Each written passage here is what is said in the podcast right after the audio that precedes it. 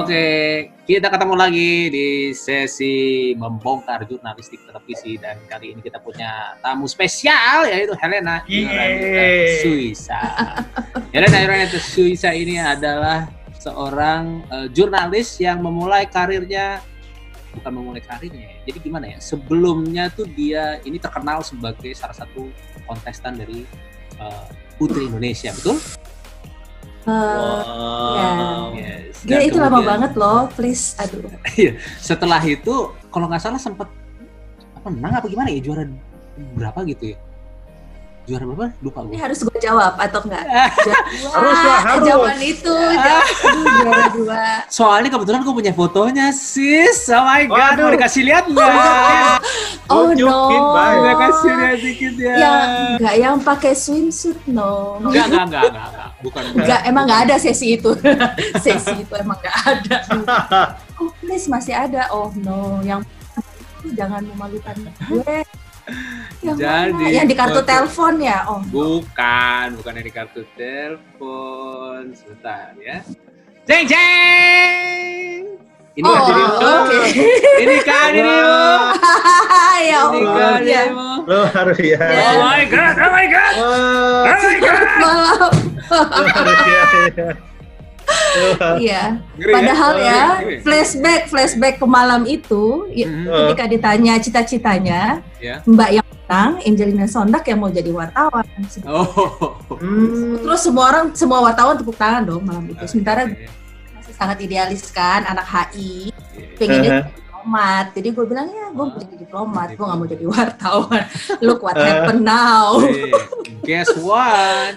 Ah, Tidak iya, cuma ya berhenti ampun. menjadi wartawan, tapi terakhir sudah eh, apa sampai menekuni jurnalistik sampai ke negeri kangguru dan saat ini sekarang berada Wow. di Australia. Baru saja menyelesaikan tesisnya S2. S3 kan? Wait, sorry, S- mohon maaf. S3. S3. S- S2-nya ada dua kan? Iya, S2 -nya Kesalahan dua. ada di saya. Eh, S2-nya ada dua. judulnya Iya. Ya, judulnya adalah eh, sebentar ya, saya baca dulu takut salah ini gitu. Iya. Tampilkan aja di layar judulnya. Oh, Kalau iya, Lo boleh, ngarang aja, ngarang aja baik, nggak ada yang tahu juga kalau lo salah, lo ngarang aja. Nah, ini penting ini. Ini penting. Penting. Amatiran soalnya. Broadcasting Paradox, the study of content, diversity, and ownership in Wow. contemporary, Oh, contemporary Indonesian television. Wow. Yes. Jadi Ini paradoks bisa diakses, ya. ya, bisa Iya diakses. iya iya. Ini Bisa diakses ya, bisa- gratis bisa ya. di-download ya? Hmm, Iya, Gratis bisa ya? di-download. bisa di download Yes. gratis. Bebas. Eh, Iya. eh, linknya nanti kita tambahin ya di tulisan di layar. Eh, intinya Hmm. sebenarnya ini adalah eh, bagian dari arsip. Sekarang sudah menjadi bagian dari arsip University of Melbourne, gitu kan? Yes, Waduh. betul. Ya. Judulnya adalah Paradox Broadcasting. Studi kasus mengenai eh, diversifikasi konten dan kepemilikan dalam eh, pertelevisian Indonesia kontemporer. Begitu? Waduh. Wah. Anjay. Anda Anjay. bisa menerjemahkan tesis saya berarti. Yes. Wah.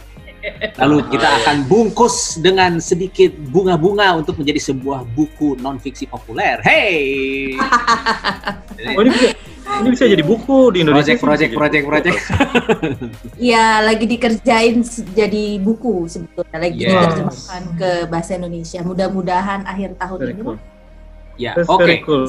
Nah, Iya. jadi intinya adalah tadi gue udah ngeliat sedikit, eh, kurang lebih sih eh, sebenarnya mm, bagian dari ini ya sebenarnya ya. Eh, lo tuh membedah bagaimana pertelevisian di Indonesia itu eh, di diversifikasi, eh, diversity itu sebenarnya ke keberagaman, keberagaman, Keanekaragaman. keberagaman, keanekaragaman di televisi di Indonesia itu sangat terpengaruh ter, eh, terpengaruh dari kepemilikan per- televisinya, ya kan, stasiun televisinya, gitu kan, dan itu akan Hmm. sangat terlihat jelas pada saat pemilu 2019, kurang lebih begitu ya. Nah mungkin 2014 dan 2019. Yes. Dan kalau Nah. belum berubah ya besok-besok juga sama aja sih.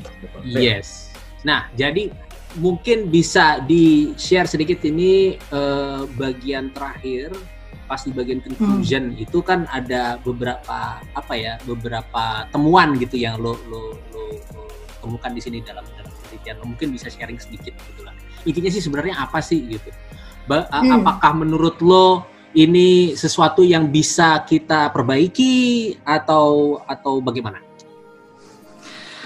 Betulnya di salah satu kayaknya poin pertama dari eh, kesimpulan gue yang gue bikin itu adalah bahwa keberagaman itu bisa diukur.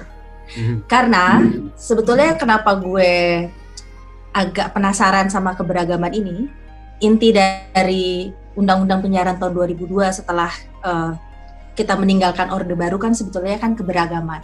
Mhm. Kita sudah terlalu lama kan informasi hanya dimonopoli oleh TVRI gitu, yang kita tahu di perpanjangan tangan pemerintah. Hmm. Dan di situ ada mandat bahwa si penyiaran yang baru ini Indonesia ini menjunjung tinggi keberagaman kepemilikan dan keberagaman konten. Mhm. Tapi nggak pernah ada yang kita kayak taken for granted gitu loh. Kayak ya udah kalau acaranya banyak ya beragam. Itu dulu yang ada di Iya. sebetulnya. Ternyata dari temuan gue satu yang pertama itu keberagaman itu bisa di bisa diukur sebetulnya. Itu dilakukan oleh TV-TV lain gitu di di misalnya di Inggris, di Australia gitu. Mereka punya ukuran diversity itu seperti apa. berapa Eh, persen dan- mewakili eh, apa kelompok manusia tertentu atau ya kelompok masyarakat tertentu di dalam negara itu gitu kurang lebih kayak gitu ya Tergantung. Kalau di Amerika memang begitu, dia proporsional. Dia anggapnya misalnya nih kalau Indonesia eh, mayoritas muslim berarti harusnya proporsi tayangan eh, religi muslim lebih banyak daripada yang Kristen. oh iya Tapi Oh. ke mazhabnya Eropa enggak, yang penting ada semua regardless berapa persen berapa persen. Itu juga akhirnya gue temuin dan nah terus kalau Indonesia gimana dong gitu kan. Iya. Karena sebetulnya yang lebih, yang lebih menarik adalah ketika gue tanya ke, ke Komisi Penyiaran Indonesia gitu. Jadi gimana dong selama ini lo mengukur keberagaman? Karena itu kan mandat untuk KPI juga kan. betul Eh, dia bilang "Hmm, kita juga nggak punya sih. Padahal sebetulnya kan eh, izin siaran 10 tahunan itu kan harus ada apa ya harus ada rapornya. Jadi gue tanya waktu itu. Jadi rapor keberagaman nggak pernah ada, nggak ada.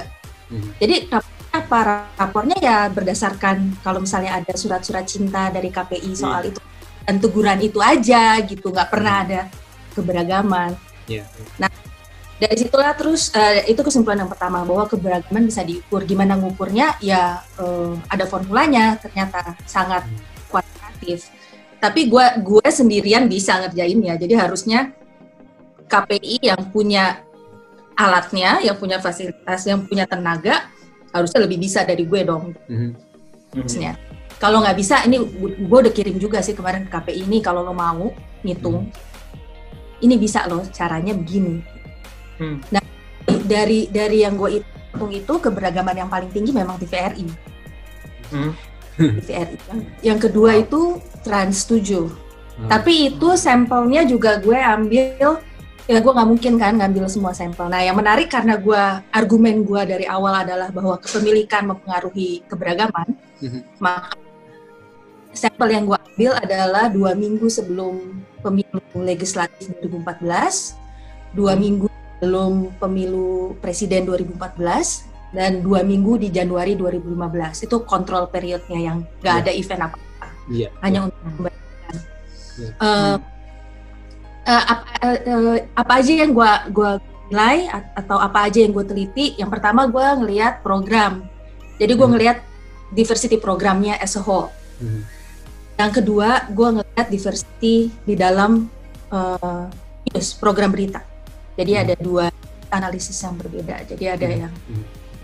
dan gue juga melihat sebetulnya eh, keberagaman kepemilikannya gitu. Ya kan harus dilihat dong kita berapa persen yang dikuasai oleh misalnya satu perusahaan Ya. ter- Jadi only a handful ya kan oligopoli jadi betul. jatuhnya oligopoli banget. Jadi itu yang gua gua itu yang itu kesimpulan pertama yang menurut gua penting untuk diketahui banyak orang bahwa diversity itu nggak cuma di atas kertas keberagaman ya udah caranya banyak ya ya udah gitu kayak eh, anggota komisioner Ko- KPI waktu itu wawancara dia ya kan dari pagi sampai malam acaranya macam ya tapi lo pernah bayangin nggak sih jam 8 malam lo jadi penonton lo zapping mod lo, acaranya sama semua gitu. Oh, I see. Jadi secara jadi nanti di dalam disertasi gue gue ada juga gue ngitung juga diversity di dalam channel sama diversity di slot time tertentu. Mhm. Yang Mhm. channel namanya vertical diversity yang dalam slot tertentu eh, jam tertentu namanya eh, horizontal diversity. Mhm. Hmm. Yang ya dan gue ngitung eh, khusus untuk si horizontal diversity, gue ngebandingin antara prime time sama ghost time. Lo tau dong jam-jam Hmm. jam-jam tentu yang nggak ada yang iya. nonton. Mhm. jam-jam gue ngitung dari jam 12 malam sampai jam 3 pagi, Mhm. terus jam prime time jam 8 sampai jam 11. Mhm. Keberagamannya lebih beragam buat hantu bos daripada jadi pilihan Yang- untuk hantu Yang dibandingin eh, berapa TV? Sorry. semua? TV semua Nasional. TV bersiaran nasional plus TVRI Mhm. Oh oke. It means berapa? 10. Oh, 11 Iya, iya, sebelas sama TVRI, sebelas. Oh, plus, oh, 11 sama sama TVRI wow. jadi wow. ya itu kebe- keberagaman hantu lebih dapat tayangan yang beragam kita. Iya. kenapa karena kan eh ya ya itu kan. Kalau misalnya dari- channel lu bisa berdalih gini. Gue beragam kok ada gue dokumenter tapi jam 2 pagi gitu kan. Hmm. ada kok gue ini ada tapi ditaruhnya di jam-jam begitu gitu. Yang emang gak nonton gitu. Kenapa sengaja gue nggak masukin sampai jam 4 jam hantunya? Karena kan udah sholat subuh biasanya udah. Jadi bener-bener gue gue bandingin itu. Jadi Hmm. kira-kira itu dan harusnya ini menjadi wah belum datang ya staff susnya staff sus Belum, belum. Belum. Ntar ya, gue colek dulu di WhatsApp, gue bilang gua- dicariin lu sama Elena. Colek, colek, colek. ya. Iya, karena ini ini bisa jadi maksud gue sekarang nih dan ini eh, kritik gue udah gue udah kritik terbuka banget sih sama KPI di Twitter kemarin diskusi sama Aji, sama Aji juga gue udah kritik gitu. Hmm, Sekarang eh, KPI bikin survei indeks kualitas Iya. program siaran yang Iya. menurut gue bermasalah secara metodologi. Itu udah secara terbuka gue kritik berkali-kali. gitu. Iya, Like, iya, iya.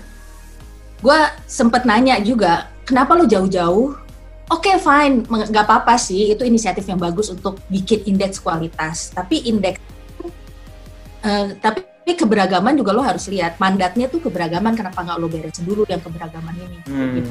hmm. Dan eh, dan lucunya karena gue nggak punya bukan lucunya sih. Agak beruntung dan gue merasa harus otoritatif aja. Kita kan juga nggak punya kayak gue ngitung keberagaman gimana dong? Genrenya apa sih sebetulnya yang ideal? Hmm. gue ke KPI KPI juga nggak punya panduan. Masa sih gue punya Nielsen? Padahal kan gue nggak mau sebetulnya deret ke situ. Jadi akhirnya gue secara otoritatif aja nentuin. Hmm. Iya. ini Nah, Cok, ini ini ini ya bisa udah di share, bisa di share itu apa ya? Itu sesuai genre undang-undang gue kan? drama oh iya Eh, Sesuai iya iya. Iya, Eh, otoritatif jadi- tentunya sesuai undang-undang kan? ya Ya hak Jadi- peneliti, ya. drama non drama nah Hmm. ini lucu Gue nggak mau nggak mau gue berusaha konsisten jadi eh gue nggak mau audience base Hmm. karena ya program anak kan sebetulnya kan audience base kan Iya. Jadi jadi gue berusaha bikin yang konsisten aja drama non drama olahraga eh, dan eh, adat dan budaya Iya. Eh, Hmm. news and information Mhm. satu lagi apa tujuh pokoknya Iya. ada tuh Sport? Sport, no. sport ada tadi Iya. Oh, oh iya. itu. sport ada sport ada. Nah tapi nanti di dalam tujuh itu ada lagi sub sub genrenya apa. Itu semuanya ada. Nah eh, pertanyaannya kan kok nggak ada program anak gitu? Gue nggak mau kalau misalnya gue tambahin program anak ada satu yang audience base. Sementara yang tujuh lagi Oh. base ya kan? Kalau Iya. ada program anak pasti gue harus bikin juga program perempuan Iya, program laki-laki dan lain-lain. Jadi gue dewasa. Hmm, jadi jadi gua jadi Doraemon masuk apa? Iya drama Oh, Kartun, gitu. Oke. gitu. Non fiksi. Oh satu lagi satu lagi entertainment tujuh. Oh, tujuh Oh, entertainment. Oke. entertainment. Iya benar, entertainment. Benarkah Ahmad Dhani pengalaman masih kecil yang kurang bahagia? Tidakkah? Bukankah? Aduh happy bone. Happy Bone Sulkarna. Sesaat lagi Nusa Pagi akan kembali dengan narasumber Happy Bone Sulkarna. Stop loh, stop. Tulang gembira. Selamat pagi Pak Happy Bone. Mohon maaf ya Pak. Habis baca berita olahraga sis. Masa lalu ya, aduh. Ke Inggris, ke Inggris, ke Inggris. Iya. Hmm. Eh, Ya Oke, gitu nah, deh. Nah, tadi kan lu bilang ada ada tujuh ya eh, kategori keberagaman itu berdasarkan jenis program. Tujuh genre. Ya, Ya. tujuh genre. Nah, itu eh, sebenarnya memang keberagaman dari eh, genre eh, konten itu kan sebenarnya hanya salah satu aspek dari Betul. ke- keberagaman yang kita harapkan muncul di televisi begitu kan. Sebenarnya ada ada ada satu Banyak. yang perlu juga untuk dibahas kayak misalnya audience gitu. Ini baru satu nih, baru baru genre konten doang gitu kan. Ya. Belum keberagaman audience. Belum kalau mau lebih jauh lagi gitu ya, cultural eh, apa diversification. Nah, Iya. menurut eh, menurut lo uh, apakah kita baru touch the surface dengan dengan membahas tentang keberagaman dari jenis genre konten? Oke, eh, di disertasi gue ini gue berusaha untuk nggak juga cuma genre konten. Jadi diversity itu ada tiga. Eh, sebetulnya kalau dari aspek ekonominya supply and demand. Hmm. Demand ini adalah si audience itu tadi. Hmm. Nah, gue belum nyentuh ke audience karena audience is totally different than. Jadi yang gua yang gua teliti adalah diversity of supply. Supply itu ada ada si apa hmm, eh, outlet Hmm. dan ada outletnya berarti gue hitung itunya. Apa namanya? Berapa persen kepemilikan keberagaman kepemilikan by persentase bla bla bla. Hmm. itu gue hitung. dan si konten konten ini dibagi jadi dua lagi. Yang tadi eh, program secara keseluruhan yang ada vertical dan horizontal diversity. Dan yang eh, satu lagi adalah yaitu tadi diversity yang benar-benar eh, gue lihat di dalam news program. Vina Eh, di dalam news program Eh, karena tidak karena ada lagi dimensi diversity yang lain demographic diversity Mhm. geographic diversity Iya. Mhm. ada genre lagi nanti di dalam itu juga ada genre ada viewpoint diversity Oh, oh, genre. Jadi Dalam. uh, kalau tadi ada kan genre genre, lagi kan di dalam Iya, ya, itu kan tadi cuma Di dalam- genre konten gitu. Ini genre lain lagi. genre program ini Oh. sekarang genre berita kita kan di Oke. berita juga ada genre Mhm. Nah, eh, apa namanya? Kenapa gue pilihnya eh, news? Karena di news lebih jelas. Misalnya kita ngukur geographical diversity-nya lebih jelas. Kalau program lo akan sulit untuk mengidentifikasikan apakah program ini program yang geographically Jawa Iya. atau Betawi Nah, ya kan? oke. Kecuali Betul. ya itu susah. Jadi cuman dan memang secara literatur disarankan kalau emang mau meneliti dimensi yang lain emang paling benar itu unit analisisnya adalah news program. Hmm. Jadi sih gue lihat jadi eh, demografik eh, demografiknya gue cuma lihat laki-laki dan perempuan. Mhm. Terus eh, gua gua gua bagi lagi di- jadi beberapa misalnya eh, apa eh, yang tampil itu apakah yang kelihatan di layar, apakah politisi, apakah eh, pengusaha, apakah orang biasa, apakah itu itu gua bedah lagi. Eh, apa lagi? Eh, ibu kota non ibu kota, let- apa ininya? Mhm. range-nya. Iya. Terus eh, Jawa dan di luar Jawa itu Jawa. semuanya adanya bisanya cuma diukur di news, nggak bisa di program yang lain karena paling jelas dan paling fair Oh, oke. Gitu. So what's next? Jadi ya? Uh, after are you this ya planning audience audience, are you audience are you planning to do another research for this? Or maksudnya udah rencana untuk aku sih memang memang di di future research pengennya memang ke audience research tapi lebih lebih kayak sekarang kan supply-nya ini demand-nya sama nggak sama supply-nya gitu. Oke. Iya, iya. secara secara keberagaman dan kayaknya meanwhile I'm doing that gitu lebih lebih lebih menarik juga kalau untuk nanya ke mereka gitu sekarang apakah mereka nonton TV apa enggak Iya benar. karena ada banyak Si- outlet lain. sampai sampai pemilu terakhir itu kalau dari datanya CSIS memang bahkan milenial pun masih sekitar 80% nonton TV Mhm. karena memang perangkat TV di Indonesia memang yang paling Iya. tersedia paling banyak tapi Ada di mana-mana. iya kayaknya memang menarik untuk nanya lagi gitu Betul. Hmm. Jadi- bagaimana mereka consume me- consume Iya. information sebetulnya gue tuh pengen tahu deh kayaknya anak sekarang cuma dari WhatsApp sama Line mereka Iya. nggak lihat yang lain Iya. gitu. Iya. Nggak terlalu peduli lagi ya sama TV. Eh, kalau dari Nielsen kan sebenarnya ada ya datanya ya, kalau nggak salah ya berapa persen gitu kan? Eh, ada tapi susah banget eh baik gue dapet hmm jadi eh, ini yang menarik ketika gue ngomongin kayak revenue mau ngeliat revenue-nya mereka aja itu kan yang Iya. ngeluarin cuman Nielsen Mhm. Eh, Iya. dulu namanya Mediasin punyanya Oh, teman-teman iya ya.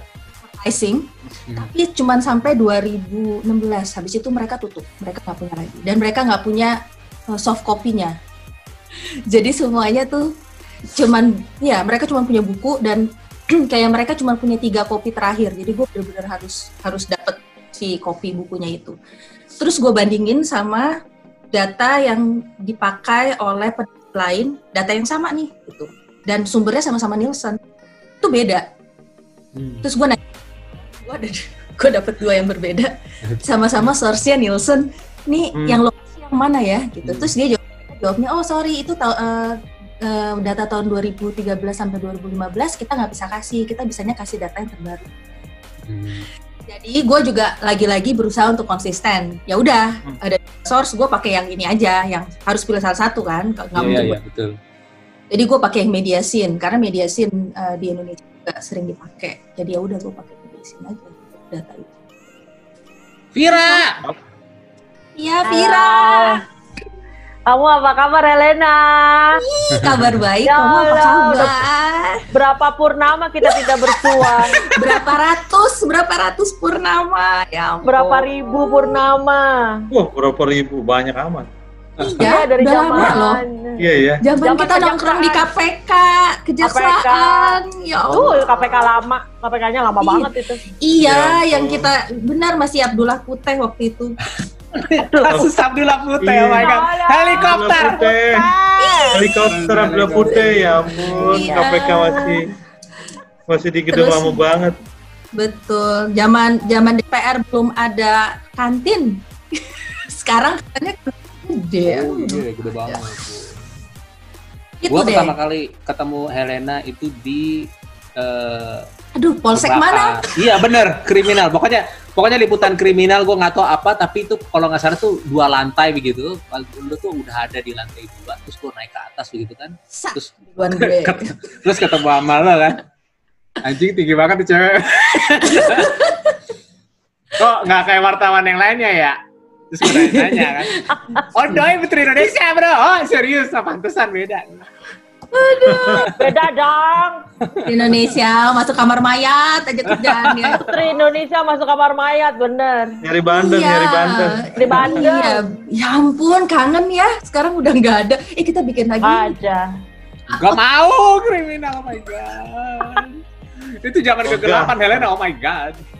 Eh nggak apa-apa kan. Kalau di treatment dan kemasannya edu betul, I agree. bisa tahu bye. Iya, Iya, uh, ya why tapi not? ya yang jelas buat aman, nih ini usulan gue ya, gue nggak tahu mudah-mudahan ada yang nonton nih. Jadi intinya adalah kalau misalnya lo mau bikin liputan apa program kriminal lagi, syaratnya satu, uh, lo ngebahas tentang kasus-kasus yang paling tidak udah 10 tahun berlalu. Betul. Iya nggak? Oh, Eh, eh, iya. eh, eh, eh. Iya, iya, bener, betul. bener, bener, bener, bener. Betul. Unsolved juga banyak tuh. Hmm. Unsolved, ya itu kan perlu sebenarnya.